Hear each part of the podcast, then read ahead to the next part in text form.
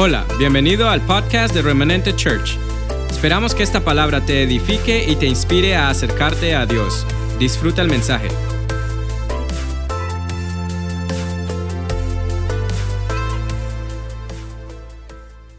Cuando hablamos de comunicación, casi siempre pensamos en la importancia de poder vocalizar bien, hablar en un tono de voz un poco alto, no gritado, como me dijo mi esposa, que hace un par de, par de semanas atrás me dijo que estaba gritando mucho, entonces me regañó, ¿verdad? Pero está bien, de eso se trata. Eh, ¿Cómo sí que amén, hermano? Ok, está bien. De eso se trata. Eh, de corregir y de aprender. Pero cuando hablamos de comunicación, siempre se nos dice de conecte con la gente, míralo a, a su rostro, hábleles claro, vocalice bien, asegúrese que el tono de voz no sea muy elevado, que no sea muy pasivo tampoco. En fin, todos estos tips son importantísimos y siempre son claves para poder tener una buena comunicación. Asegúrese que usted tiene el mensaje claro para que lo pueda transmitir de una manera clara y transparente. En fin, pero hay una parte de la comunicación que muy poco se habla y es la parte de escuchar atentamente. De esta parte casi no se habla. Entonces en esta mañana quiero empezar por ahí. Quiero asegurarme que por favor, yo voy a hacer mi parte. Por lo menos voy a tratar, les prometo. Me comprometo que la voy a hacer. A vocalizar bien y a llevar esta idea clara tal como Dios me la dio. Pero necesito que usted me escuche atentamente. Y si es posible tomar notas, tome nota. Porque hay bastante para, para escuchar en el día de hoy. Me he encontrado con mi esposa muchas veces hablando y a veces no he terminado de decir la frase y ella la termina por mí. A veces ella me está hablando y no ha terminado de darme la idea y yo la termino por ella. Y estamos pensando qué es lo que la persona va a decir. Y en ese momento nos estamos distrayendo y no estamos poniendo atención a lo que nos está diciendo. ¿Verdad? Y terminamos agarrando una idea que no era la idea que la persona quería compartir. Por eso quiero hacer énfasis en eso. Amén. ¿Estamos claros? Listo. Cuando yo tenía como 12, 14 años, hace ya así, hacía un par de años atrás, cuando tenía 12, 14 años, yo me recuerdo mucho, yo era un niño, era el mayor de cuatro hermanos, pues lógicamente como, el, como mayor de cuatro hermanos, los que son mayores aquí entienden esto un poco, de una manera u otra, la vida te expone a circunstancias que te llevan a madurar de una manera más rápida, de una manera acelerada, si se puede decir así.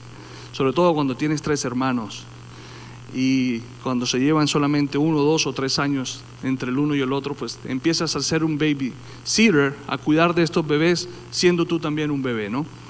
Pero bueno, cuando yo tenía 12, 14 años, me recuerdo mucho que yo pensaba y decía, ¿cómo, cómo va a ser el día en que yo tenga mi novia? Mi primera novia. ¿Cómo será ese día en el que yo conozca a mi esposa? ¿Cómo será el día en que nazca mi primer bebé? ¿Cómo será el día, cómo serán esos días de mis 40, mis 50? ¿Verdad? Yo creo que a todos nos ha pasado, ¿o no? Wow, yo veo mucho silencio aquí. Yo creo que el único loquito era yo entonces, ¿verdad? Eh, yo creo que todos hemos pensado en esos días, por favor. Los que están en el chat, ayúdenme porque aquí no me están ayudando. Ayúdenme los que están ahí y díganme, yo también pensé así, por favor, mándenme un dedito arriba o algo. ¿Cómo será el día en que yo abra mi negocio? Aquellos que sueñan con tener un negocio. ¿Cómo será ese día en el que yo compre mi casa? ¿Cómo será ese día en el que nazca mi primer bebé? ¿Cómo será ese día en el que yo me gradúe de la universidad o el día en el que yo me gradúe del, del high school? ¿Cómo será ese día? ¿Cómo será ese día? Yo creo que todos hemos pensado así en algún momento. Eh, hemos sido muy inclinados a pensar y incluso a planear y a soñar con ese día. Y somos personas que sin darnos cuenta empezamos a planear y a soñar con el evento de ese día. Y empezamos a ver la vida en cuadros de eventos que van a suceder en nuestra vida, los que nosotros consideramos importantes. Hemos creado un evento alrededor de todo. Pero ese pensamiento nos lleva a tener en poco nuestro día a día. Porque siempre estamos pensando en el evento y no vivimos el día a día. En ocasiones ese mismo pensamiento nos lleva a querer tomar atajos para poder llegar más rápido y conquistar ese momento. Muchas veces hemos aprendido que nos tenemos, nos tenemos que devolver para volver a caminar y tener que caminar por esos atajos que recortamos, porque había algo allí que aprender. Aún viviendo en el Evangelio, hemos querido llevar el Evangelio a ese plano, cuando Jesús realmente vino a la tierra a enseñarnos a vivir el día a día. Porque la palabra nos enseña que todos esos eventos, todas esas bendiciones están diseñadas para seguirnos y para alcanzarnos. Eso enseña la palabra, amén. ¿Estamos? Pero nosotros seguimos pensando y aún en el Evangelio lo queremos llevar a ese plano. Muchas veces queremos por, y oramos por cosas que queremos que sucedan casi que instantáneamente, que sucedan de inmediato. Y estamos convencidos que esa es la solución a nuestro problema. Pero ¿qué, qué del paralítico de Bethesda? 38 años paralítico este hombre, viviendo de la limosna, viviendo de lo que le daban, viviendo de lo que la gente se acercaba y le brindaba ahí donde él estaba porque dice que él no podía. Jesús lo sana perdona sus pecados y los sana. Yo me imagino a este hombre pensando en ese día, el día en el que yo pueda caminar. Él estaba ahí, a la orilla de este pozo, pensando, es que yo no tengo a alguien que me lleve. Y yo, pero yo quiero ser sano. Yo estoy aquí persiguiendo mi milagro. Yo quiero mi sanidad, pero no tengo a alguien que me lleve. O sea que él pensaba en ese día. Él soñaba con ese día. Pero Jesús viene, llega ese día del milagro y lo sana. Pero este hombre, después de que es sanado de ese milagro, empieza a vivir un día a día completamente diferente. Tiene que empezar a caminar no solamente, sino que tiene que salir a buscar trabajo. Hay que salir a buscar chamba porque a mí ya yo camino, ya yo no me puedo quedar aquí tirado y acostado. La vida le cambió. Dejó de ver a todo el mundo hacia arriba para empezar a verlos igual. Entonces su día a día cambió. Hay veces que queremos el milagro del Señor y queremos el evento que suceda. Y muchas veces sucede y se nos olvida de ese día a día que tenemos que empezar a vivir para crecer y para transformar nuestras vidas. Quiero que me acompañen. Hoy vamos a leer bastante. Le va a dar risa a algunos. Pastor Villa, yo sé que le va a dar risa, pero yo no he podido dejar este libro de Ruth a un lado. Quiero que me acompañen al libro de Ruth, por favor. Pero antes de eso, el título de la prédica es Un día. Ese es el título. Un día. Vamos a leer el libro de Ruth. Hoy vamos a hacer algo diferente a lo que hemos hecho por mucho tiempo aquí en la iglesia. Vamos a repasar el libro de Ruth, son cuatro capítulos. Yo soy quien lo voy a leer, ustedes me pueden acompañar y haré énfasis en algunos pasajes que son claves en esta vida, en esta historia bíblica que nos regala el Señor en esta mañana. El libro de Ruth, son cuatro capítulos, son corticos todos cuatro, pero quiero que me acompañen y se metan conmigo en esta historia Quiero que sientan lo que está viviendo esta, esta, familia, que empieza esta familia a vivir, y el desenlace de lo mismo en su día a día. Y cómo Dios nos lleva a través de esta historia a aprender a vivir el día a día. Porque muchos de nosotros estamos pensando en el mañana y en el futuro y se nos olvida la importancia que tiene nuestro futuro el día de hoy. Se nos olvida la importancia de lo que deseamos en el día de hoy. Pero esta historia nos enseña esto. Yo empiezo a leerles, yo lo voy a leer, por favor me acompañen. Dice, dice así, en los días en que los jueces, en los días, atención, métanse conmigo en esto, aquí no fuimos. En los días en que los jueces gobernaban Israel, un hambre severa azotó la tierra. Por eso un hombre de Belén de Judá de su casa, dejó su casa y se fue a vivir a la tierra de Moab junto con su esposa y sus dos hijos. Problemas, circunstancias, hambruna, situación difícil, no hay trabajo y le tocó dejar su, su tierra. Se fue de extranjero con su esposa y sus dos hijos.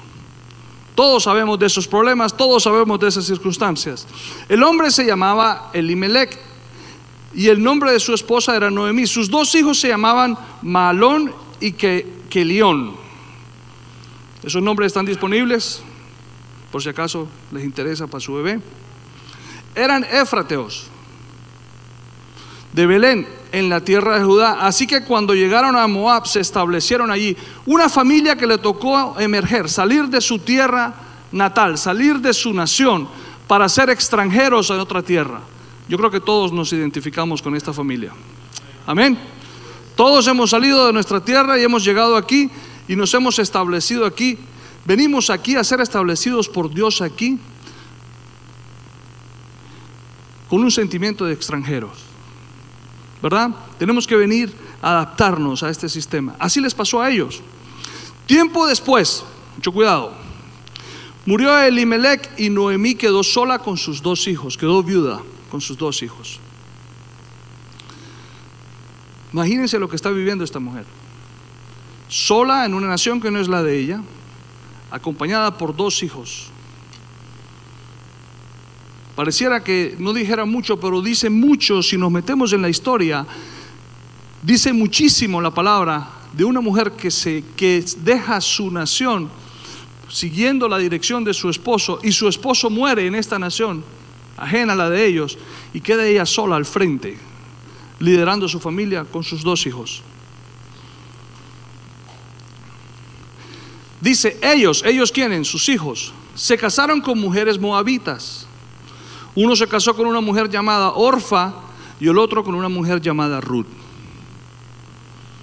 Quiero parar ahí, porque hubo matrimonio.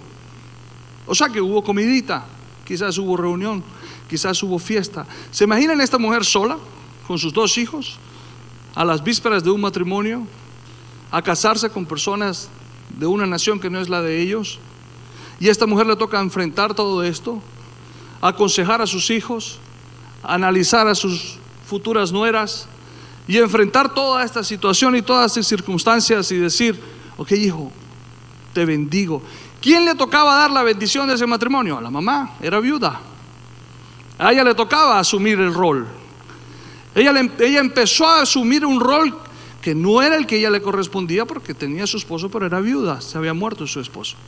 ¿A cuántos nos ha tocado asumir roles en esta nación que no estamos acostumbrados? Bueno, a esta mujer le tocó hacerlo. Ella le tocó casar a sus dos hijos. Casó a los dos. Pero unos 10 años después, atención, todo lo que sucede en, tres versículos, murieron tanto Malón como Kelión. Entonces Noemí quedó sola, sin sus dos hijos y sin su esposo.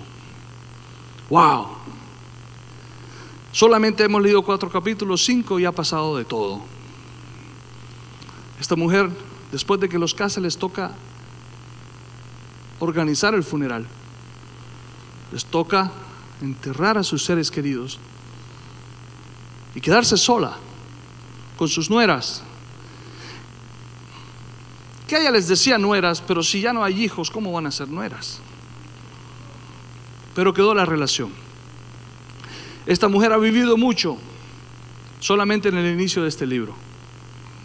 Estando en Moab, Noemí se enteró que el Señor había bendecido a su pueblo en Judá al volver a darle buenas cosechas. Entonces, Noemí y sus nueras se prepararon para salir de Moab y regresar a su tierra natal. Acompañada por sus dos nueras, partió del lugar donde vivía y tomó el camino que las llevaría de regreso a Judá. tomaron la decisión de volver. Dijeron, aquí las cosas, me he quedado viuda, he perdido mis dos hijos, pero en mi tierra el Señor está bendiciendo mi tierra, yo vuelvo a mi tierra, yo vuelvo a mi nación. Y ella decide volver y sus dos nueras dicen, nosotros vamos con usted. Sin embargo, ya puestas en camino, Noemí le dijo a sus dos nueras, vuelva cada una a la casa de su madre que y que el Señor les recompense por la bondad que mostraron a sus esposos y a mí. Que el Señor les bendiga con la seguridad de un nuevo matrimonio. Entonces les dio un beso de despedida y todas se echaron a llorar desconsoladas. Claro, un cuadro muy triste y muy difícil. Y sobre todo cuando están solamente mujeres reunidas. Me disculpan, las mujeres, ¿verdad? Pero la tendencia a quebrantarse, a llorar, es parte de su naturaleza. Eso no tiene nada de malo. Pero esto estaba pasando aquí. Las emociones eran muy fuertes. Y estas mujeres quebrantadas, llorando, desconsoladas, le dijeron, no, queremos ir contigo a tu pueblo. Pero Noemí respondió, ¿por qué habrían de continuar conmigo? O sea, ¿por qué? ¿Cuál es el punto? ¿Para qué ir conmigo? ¿Acaso puedo tener más hijos que crezcan y sean sus esposos? Porque eso era lo que decía en ese entonces la tradición y la costumbre. Si, si la niña se casa con un muchacho y este muchacho muere y tiene un hermano, este hermano puede casarse con esta niña. Pero ella no tenía hijos más. Entonces ella le dice, ¿acaso con sus, no hijas mías, regresen a la casa de sus padres, porque ya soy demasiado vieja para volverme a casar, aunque fuera posible. A propósito, no hay edad para casarse, ¿ok? Por favor, no piensen que, no, ya yo soy demasiado... Mm, mm, si Dios quiere que usted tenga su esposo, se va a casar, ¿ok? No, no se descalifique, ya yo soy demasiado mayor y que ya... No, Señor, para nada. Dice, aunque fuera posible de tener hijos y me casara esta misma noche y tuviera hijos varones, entonces ¿qué? ¿Esperarían ustedes hasta que ellos crecieran y se negarían a casarse con algún otro? Por supuesto que no. Hijas mías, la situación es mucho más amarga para mí que para ustedes, porque el Señor mismo ha levantado su puño contra mí. Ella estaba en un dolor y en una amargura impresionante. Viuda sin sus dos hijos, había dejado todo y estaba volviendo otra vez a su tierra sin familia, prácticamente sin familia, sin generación. Había perdido sus hijos. El dolor era inmenso. Entonces volvieron a llorar juntas. Y Orfa se despidió de su suegra. Orfa dijo, sí, es verdad. Es cierto lo que ella dice con un beso. Pero Ruth se aferró con firmeza a Noemí. Mira, le dijo, le Noemí, tu cuñada regresó a su pueblo y a sus dioses, tú deberías hacer lo mismo. Atención a esto porque yo hice énfasis en esto en el servicio anterior. Nos van a decir que nos devolvamos muchas veces. Nos van a decir que hemos cometido un error. Nos van a decir que este no es nuestra nación nos van a decir que esta no es nuestro lugar. Nos van a decir que nuestro lugar nos está esperando. Nos van a decir que nos devolvamos. Nos van a bendecir. Nos van a hablar bonito. Nos van a hablar con coherencia. Y vamos quizás a dudar si realmente hice lo correcto o cometí un error. Pero aquí está la importancia de dejar que Dios direccione nuestra vida. Y que sea Dios el que, el que guíe nuestro camino y que traiga a nuestro corazón la convicción. Porque a pesar de que nos hablen con esa tal coherencia y con esa muy buena intención, la convicción de Dios en tu corazón marcará tu destino. Pero Ruth respondió, no me pidas que te deje y regrese a mi pueblo a donde tú vayas yo iré.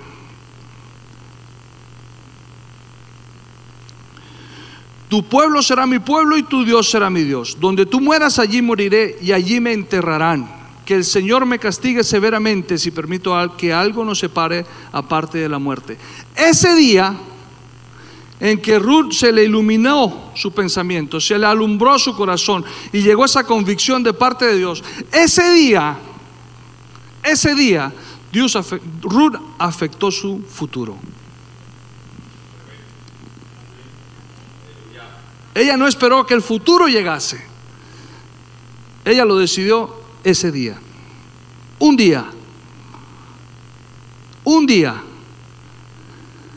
Un día sucedió esto. Ruth dijo, no. Contigo hasta la muerte y donde te entierre me entierran. Yo no te dejo. Cuando Noemí vio que Ruth estaba decidida a irse con ella, no insistió más, de modo que las dos siguieron el viaje. Cuando entraron a Belén, todo el pueblo se conmocionó por causa de su llegada. ¿Se imaginan? Todo el pueblo dice.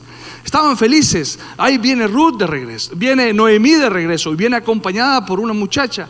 Se llama Ruth. están entrando, están volviendo. Había fiesta. Dice que se conmocionó. Esa palabra dice mucho. Hubo ruido, hubo alegría, hubo aplausos, hubo gente brincando, estaban felices. Y dice, ¿de verdad es Noemí? Estaban hasta extrañados. Decía, pero si ya se había ido y está volviendo. ¿Será que de verdad es Noemí? Preguntaban las mujeres. Qué raro. No me llamen Noemí, dijo ella. Porque se ríen. Bueno, no me llamen Noemí, dijo Noemí, lógicamente. Más bien llámenme Mara porque el Todopoderoso me ha hecho la vida muy amarga. Me fui llena, pero el Señor me ha traído vacía a casa. ¿Por qué llamarme Noemí cuando el Señor me ha hecho sufrir y el Todopoderoso ha enviado semejante tragedia sobre mí? Piensen esto. Lo que la motivó a ella a volver a su tierra era que había escuchado que Dios estaba bendiciendo su nación. Y ella quería volver para ser parte de esa bendición que Dios estaba dando a su pueblo, que le pertenecía a ella. Pero entrando a la tierra, la están festejando, la están recibiendo con brazos abiertos. Y ella en su dolor y su amargura pidió que no la llamaran Noemí, sino Mara, que significa amargura, si no estoy mal. Todo lo que, lo que Noemí les dijo a ellas es verdad. Vengo viuda, solo me acompaña una de mis nueras, mis dos hijos han muerto, me fui con mi familia, vengo con manos vacías, vengo con mucho dolor conmigo. Todo eso era una realidad que ella estaba viviendo, eran las circunstancias que la habían golpeado, que la habían la habían arrastrado. Todo esto es verdad. Todos vivimos circunstancias, todos vivimos tipos de problemas como estos. Pero hay algo que nosotros que acentúan estas circunstancias en nuestro día a día y es cuando pensamos en lo que habíamos planeado, cuando pensamos en cómo habíamos dibujado el futuro nuestro y no se está viendo en el día a día. Pero mi esposa ha venido hablando constantemente y lo dijo hoy. Dios es un Dios soñador. Y los sueños que tú tienes son sueños de Dios.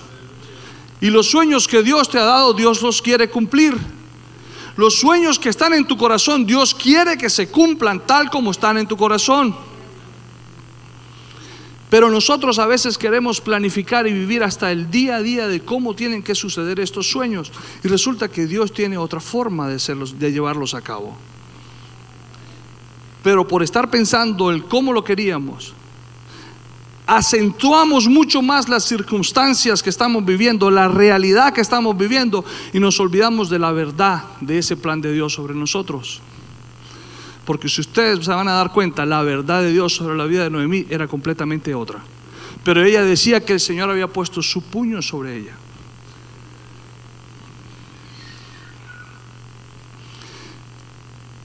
Esto no solamente le pasa a las mujeres, también le pasa a los hombres toda la humanidad entera, sabemos agregarle una, una pizquita extra de drama a la vida. Y el drama no ayuda. A ella la estaban celebrando, a ella la estaban festejando, a ella la iban a recibir, la iban a bendecir, estaban emocionados y ella dijo, no, no, no, no, yo soy Mara, a mí no me digan mí Yo, no, no, no, no, no, las mandó a callar, no, no, no, no, no, no, yo soy Mara. ¿De qué están festejando ustedes? ¿Acaso se van, me van a decir que ustedes no saben que yo vengo viuda? Y que mis dos hijos murieron. Claro que sabían. Pero la querían festejar y ella no aceptó. Le puso esa pizquita extra de drama a su realidad.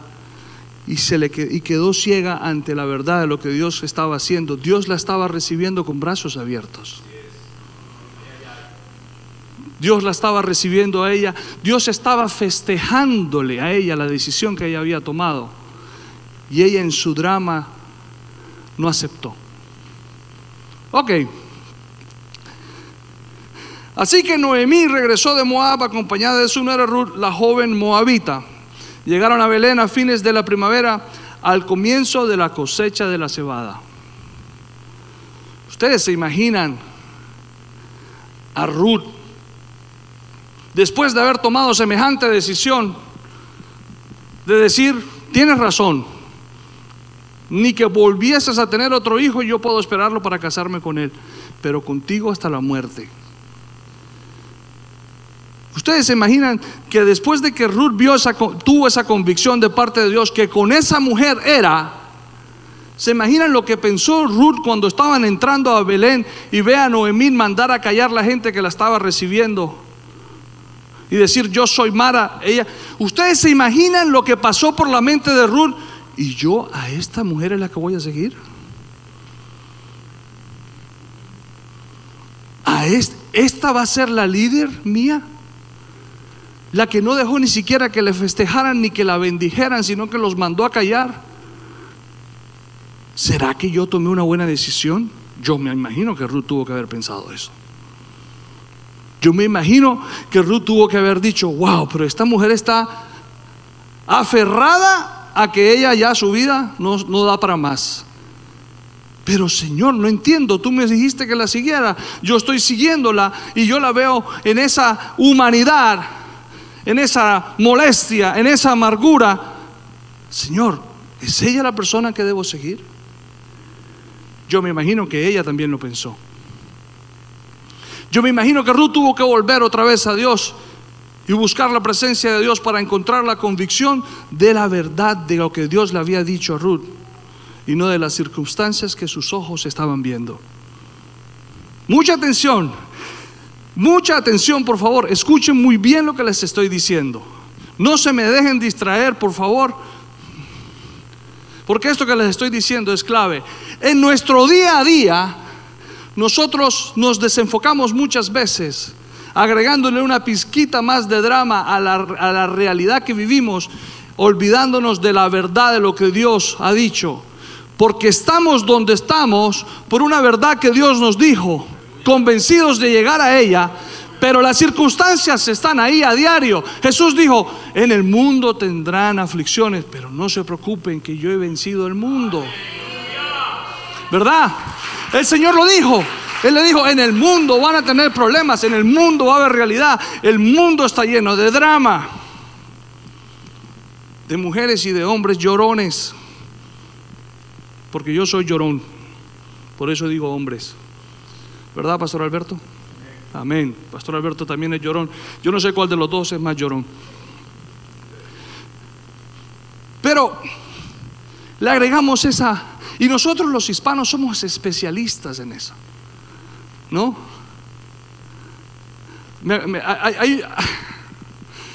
espérate, miro, eso no está en las notas, pero no importa.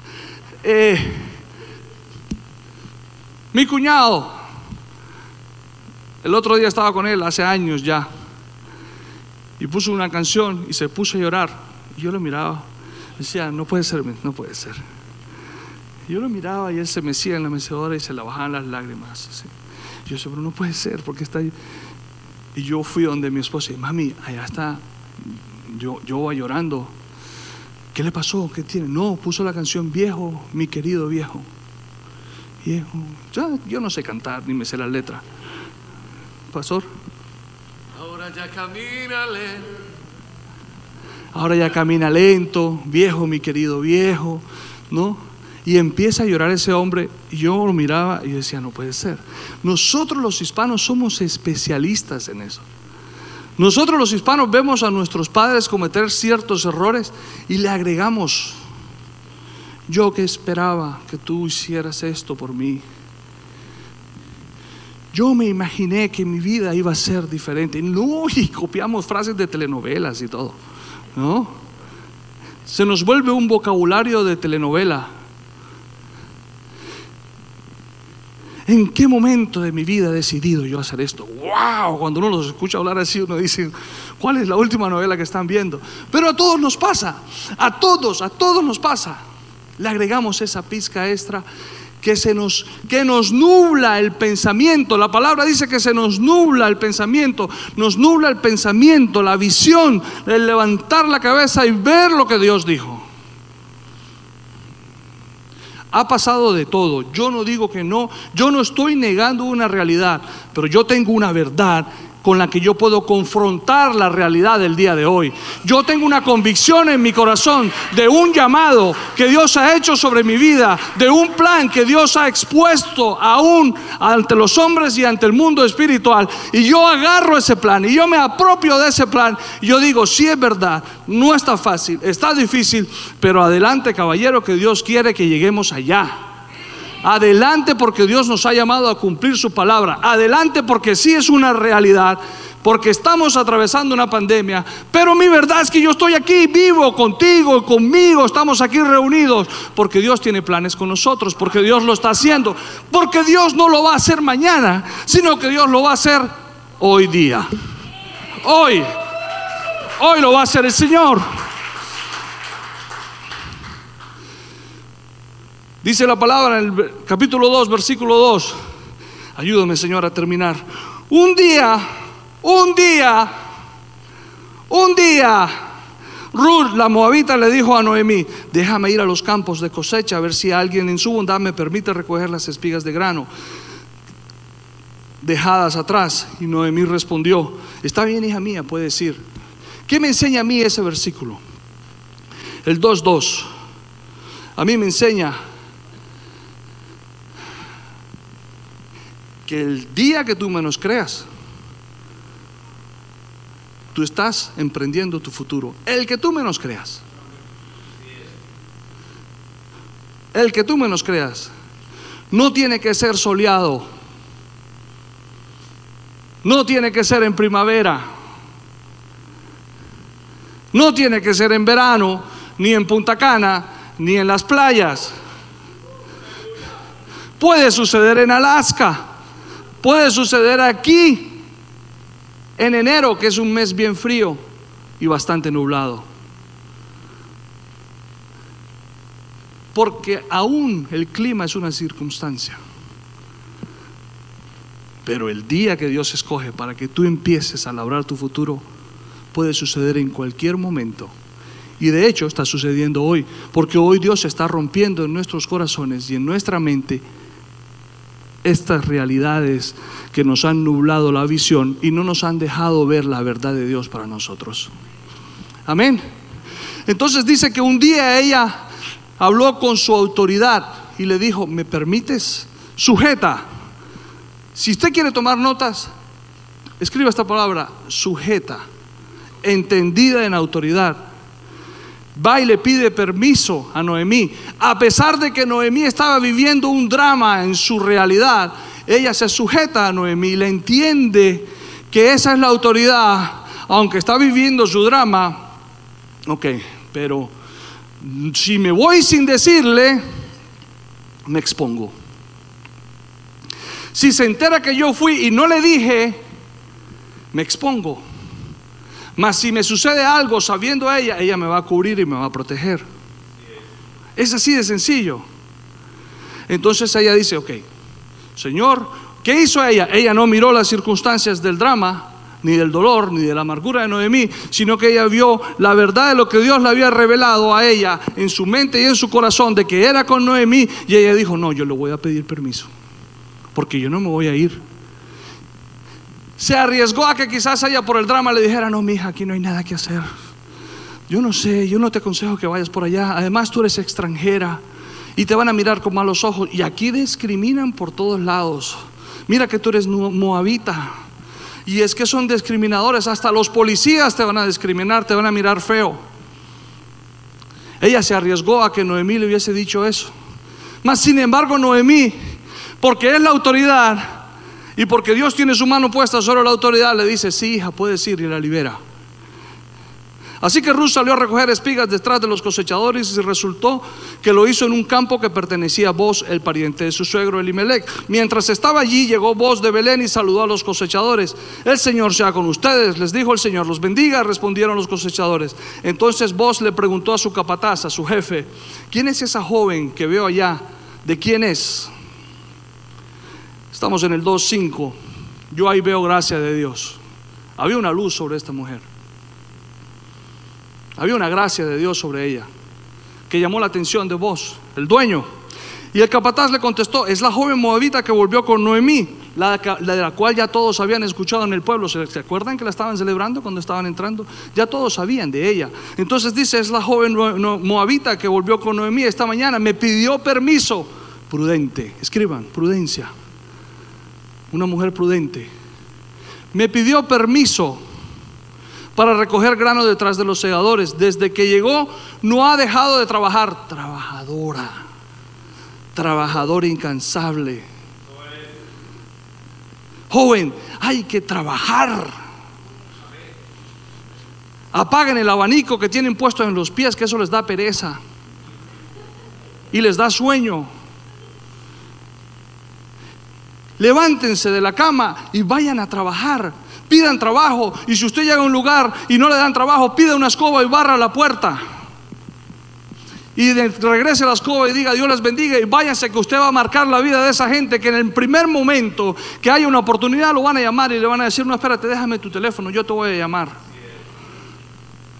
En esta nación y en cualquier parte del mundo, esa, la de la escoba, funciona. Funciona. porque iban a, ¿qué pensaron? Que iba a decir Estados Unidos nada más. No, en cualquier parte del mundo usted hace eso y marca la vida de la persona que está allí.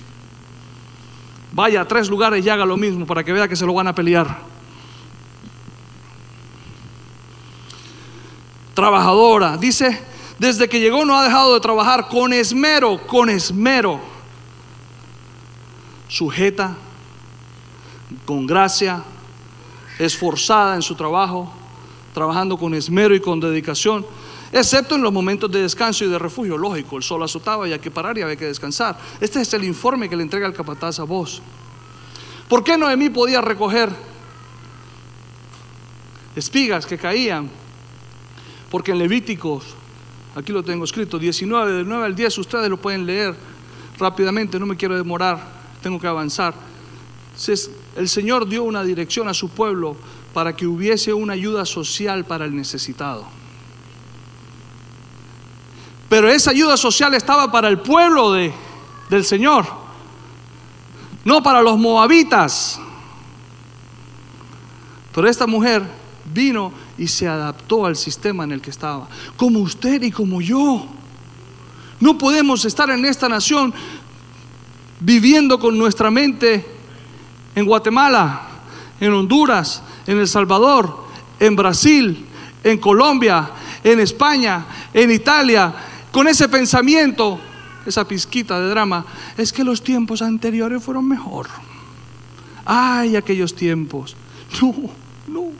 Si Dios tiene algo mejor para nosotros. Dice la palabra, dice la palabra que el camino de los justos los justos, los que están ahí conectados, nosotros, los que hemos recibido al Señor, va de aumento en aumento como el amanecer hasta que el día es perfecto. O sea que no me digas que ayer fue mejor, porque lo mejor está por venir y lo vivimos hoy. Amén. Vos se acercó a Ruth y le dijo, escucha hija mía, yo veo ahí al Señor hablar. Yo veo al papá hablar. El papá, solamente le puede decir hija a su hija, hijo a su hijo. O sea que cuando este hombre se acerca y le dice, escucha hija mía, él está ejerciendo una paternidad sobre esta mujer. Y miren lo que hace la paternidad. Escucha, hija mía, quédate aquí mismo con nosotros cuando recojas grano. No vayas a ningún otro campo. Sigue muy de cerca a los jóvenes que trabajan en mi campo. Fíjate en qué parcela están cosechando y síguelas. Les dio instrucción le dio acompañamiento, le dio cobertura y le dijo, fíjate en qué parcela están cosechando y sigue. Advertí a los hombres que no te traten mal, o sea, déjame saber cualquier problema. Y dice, y cuando tengas sed, sírvete del agua que haya sacado del pozo. ¿Ustedes quieren saber qué sucede cuando la paternidad se ejerce? Entonces Ruth cayó a sus pies muy agradecida. Restauración. Cuando la paternidad es ejercida sobre nosotros, somos restaurados. En esta casa de paternidad yo te animo familia a que traigas personas que necesiten de esta restauración, porque aquí la hay. Dios ha dado una unción de paternidad sobre esta casa, pero necesitamos que el Espíritu del Hijo sea revelado a nosotros para poder evidenciar al Padre.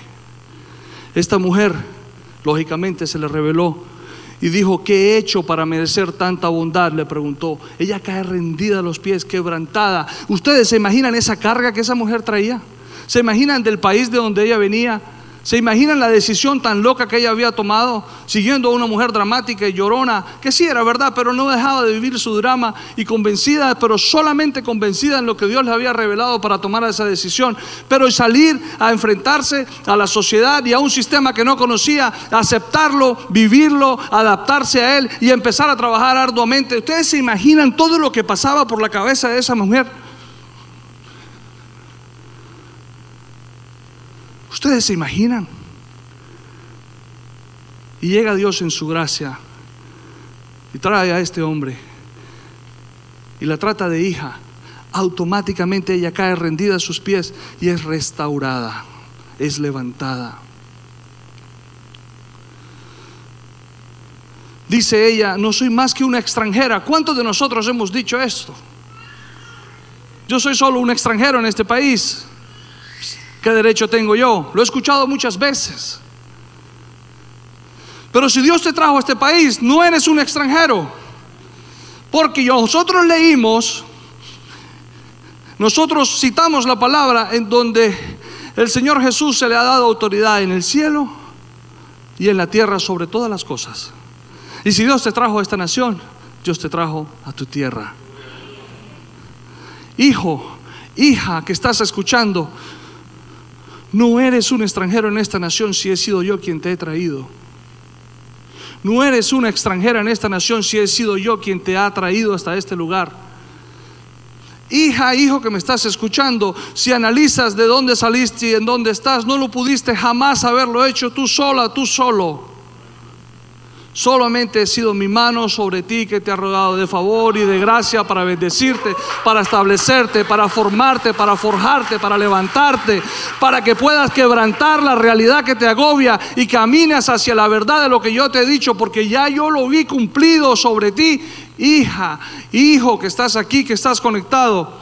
Dios yo, tu Dios, te quiere bendecir, te quiere prosperar, te quiere sanar, te quiere restaurar, te quiere levantar, quiere hacer de ti una generación exitosa, quiere hacer de ti una generación diferente. Esa es tu verdad. Yo no sé qué realidad estás viviendo, pero no puede ser más grande que tu verdad. Porque un día como hoy, Dios está rompiendo con esa neblina que no nos deja, con ese drama, con ese dolor, con ese... Mira, si yo pudiera tener una tijera gigante, yo lo hiciera conmigo y lo hiciera con ustedes y cortara esa cola del pasado. Pácatas. La cortara. Porque sí es verdad que sucedió. Claro que sucedió. Pero la verdad de Jesús es mayor. La verdad de Jesús es mucho más allá del dolor que hemos vivido.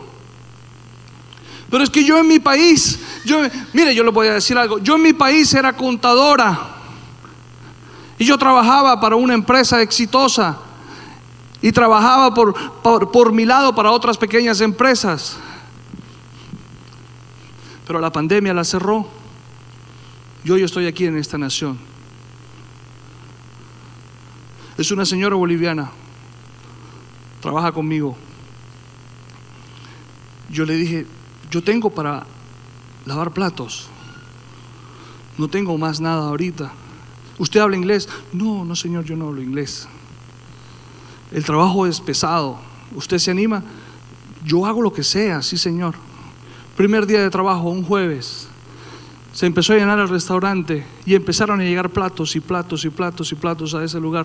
No les exagero, esa mujer puede tener cerca de unos 60 años. Delgadita, delgadita. Y empezó a llenarse el lugar y el jefe de cocina se le acercó y le dijo, señora tal, mire, le aconsejo que haga lo posible por liberar esta mesa lo más rápido que pueda porque ya se llenó y ahorita va a empezar a venir mucho y, se va a tapar. Y no quiero verla a usted agobiada con tanto trabajo. Ella me cuenta a mí que cuando el jefe de cocina le dijo eso, ella sintió que por dentro el mundo le estalló, porque ella estaba dándolo todo. Y ella dijo, yo me voy. Y ella miraba a la puerta y decía, yo me voy por ahí, yo no puedo estar aquí, yo no soy capaz de hacer esto. Yo soy contadora, yo no soy lavadora de platos. ¿Cómo es que yo estoy haciendo esto en esta nación, Señor? Y ella decía, yo me equivoqué al venirme, yo me hubiese quedado, mejor hubiese tenido paciencia, me hubiese quedado allá. ¿Quiere que les diga algo? Hoy en día es la número uno en la cocina. La número uno. El jefe de cocina que yo tengo es tan exigente ese hombre. Su papá fue militar y es tan exigente ese hombre que no le da descanso a nadie. Pero a esa señora que no se la toquen. Su mano derecha en la cocina. Esa señora no se rindió. Sí, la realidad era dura. Los platos le llegaban hasta las cejas. Yo a veces pasaba y solo le veía el marco de las gafas. Y me detenía un ratico a ayudarla, pero ella estaba en ese proceso. Hoy en día es el área más limpia de trabajo y está entrenando a otros de una manera que yo no sé cómo. Es más, por ahí me dijo que le ofrecieron trabajo en otro lugar y que quizás ella se va a ir, pero que no nos quiere dejar. Yo tengo que sentarme a hablar con ella para que no se vaya. Ahora no quiero que se vaya.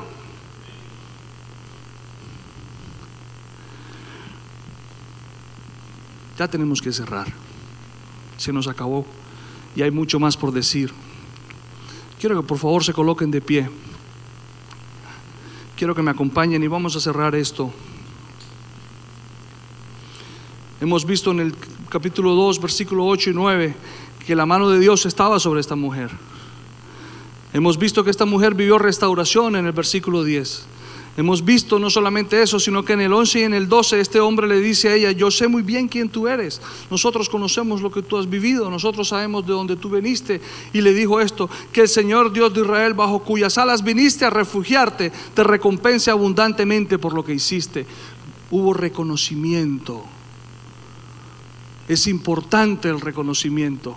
Es importante reconocer el esfuerzo de la gente que está trabajando con nosotros. Es importante reconocer el esfuerzo de aquel que está dando su vida al lado tuyo. Es importante reconocer el esfuerzo.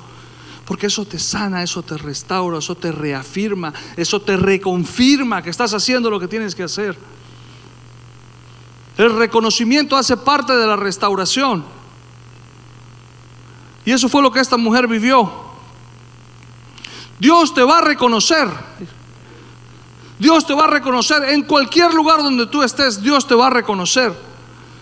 Un día Dios te va a reconocer. La historia cuenta que a esta mujer se le abren las puertas de una manera impresionante. Pero en el capítulo 3, versículo 1 dice, un día Noemí le dijo a Ruth, hija mía, es tiempo de que yo encuentre un hogar permanente para que tengas un porvenir. Un día, como hoy, Dios te puede revelar su plan.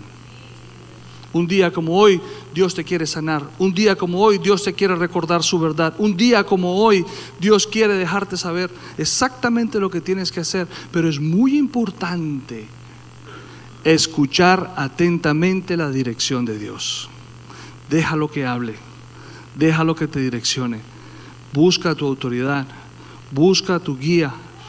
Busca al Señor mientras pueda ser hallado. Y recibe su dirección eso puede suceder cualquier día. Mientras tanto, en nuestro día a día vamos a quebrantar las circunstancias con la verdad de Dios en nuestra vida.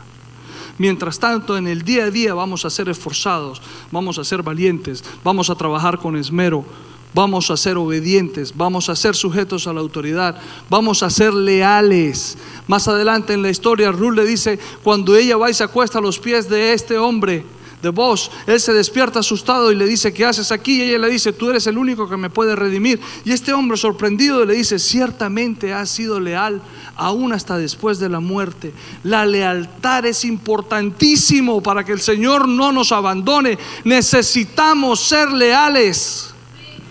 Necesitamos vivir este Evangelio con lealtad a lo que Dios ha dicho, con lealtad a la visión, con lealtad a la dirección, con lealtad a la instrucción de Dios. Esta mujer fue y se acostó a los pies de vos porque Noemí le dijo, este es el plan, vas a hacer esto y te vas a acostar y vas a hacer esto y esto y esto.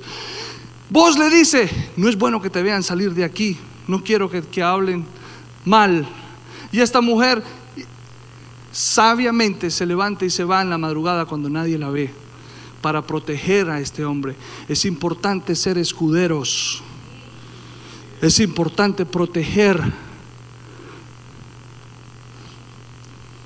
Iglesia, tenemos mucho por aprender, pero estas cositas que yo le mencioné en el hoy, si las practicamos en el día a día, entonces un día, cualquiera que sea, tú escoges y empiezas a vivir este evangelio de esta manera, entonces forjarás un mejor futuro en tu presente. Levanta tus manos ahí donde estás. Yo quiero orar por ti. Dios ha puesto en mi corazón orar por toda la iglesia, lógicamente. Pero quiero especialmente orar por las personas que tienen un corazón de empresario. Porque un día soñaste con un negocio. Porque un día te lo imaginaste de una manera. Pero Dios te dice que hoy día, hoy es tu día. Y que un día como hoy tú puedes empezar a vivir y a forjar ese sueño que está en el corazón de Dios.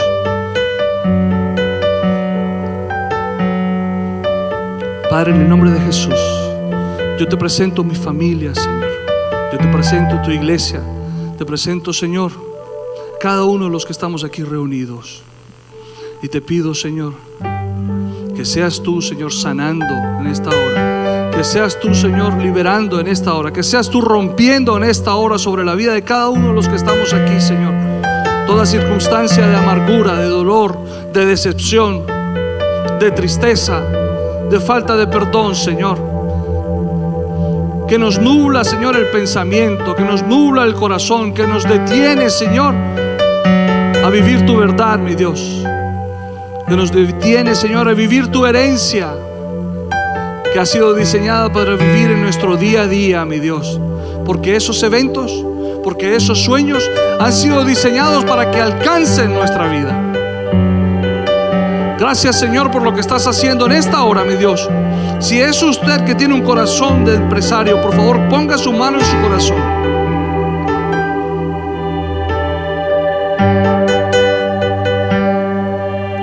En el nombre de Jesús, he recibido dirección de Dios para decirte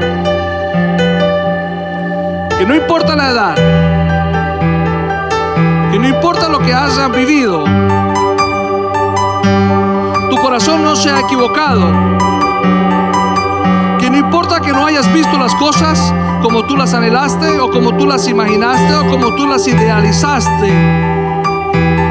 Pero esa verdad que está en tu corazón hoy cobra vida. Hoy vuelve a salir a la luz. Hoy vuelve a revivir en ti.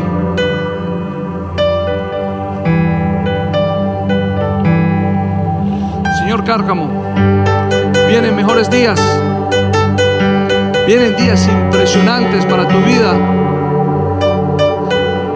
Vienen años dorados porque tu negocio no ha florecido todavía. Lo que has visto como florecer es apenas el comienzo, te dice el Señor. Porque tu corazón no se ha equivocado cuando decidiste hacer de esto una empresa. Tu corazón está en el lugar correcto y en el tiempo correcto. Y un día, como hoy, el Señor te dice, prepárate, que florecerá. Veo campos florecidos, Veo vidas cambiadas y transformadas.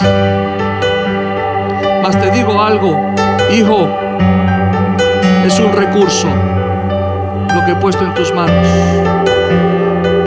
Es un recurso, no es tu identidad, porque tu identidad es que eres hijo mío, te dice el Señor.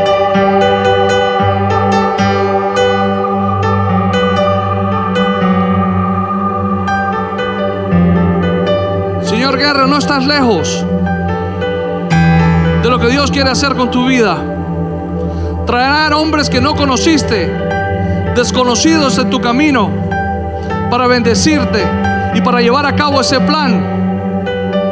Es mucho más grande de lo que hablabas ayer.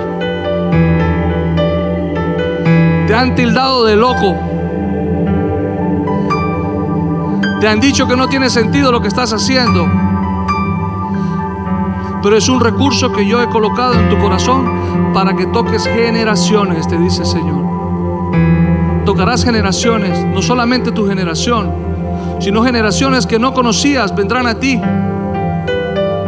por causa de Jehová tu Dios. Porque a pesar de las circunstancias, porque a pesar de las realidades que has vivido, la convicción de la verdad sobre tu vida ha sido cada vez más fuerte. No te detengas, te dice el Señor. Camina hacia adelante y no te dejes distraer.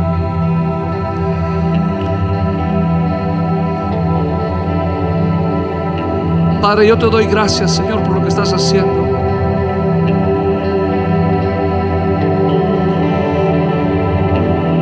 Señora Yadira, te dice el Señor que Él no se ha olvidado de ti. Te dice el Señor que te conoce y te conoce bien. Dice el Señor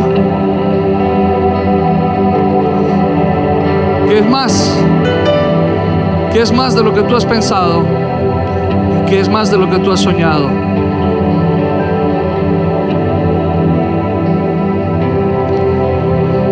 Henry, te dije que no estabas en el lugar equivocado, te dice el Señor.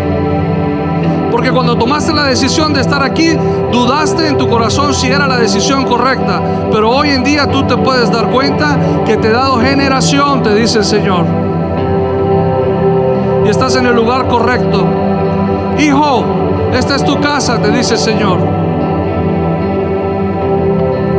Yo te he escogido, yo te he apartado. Y el talento que te he dado es un recurso.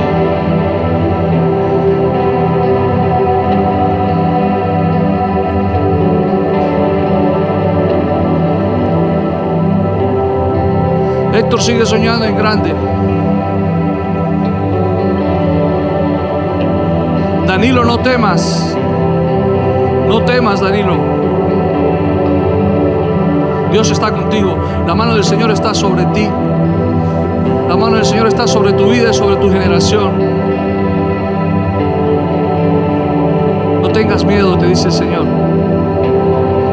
Cobra ánimo. Padre, yo en esta hora. Joshua, lo que estás viviendo es un proceso de formación. Lo que estás viviendo es un proceso donde el Señor te está llevando a crecer. Lo que estás viviendo es un proceso de aprendizaje. No es no es solamente la gracia y el favor. No es solamente que tú eres rápido y diligente y bueno para aprender, porque cada una de esas cosas que te acabo de decir han sido unos talentos y unos dones y un recurso que Dios te ha dado para que el camino vaya en el que Dios escogió. Para que el camino siga su curso como Él lo planeó. Necesario sujetarse a autoridad. Es necesario honrar a autoridad.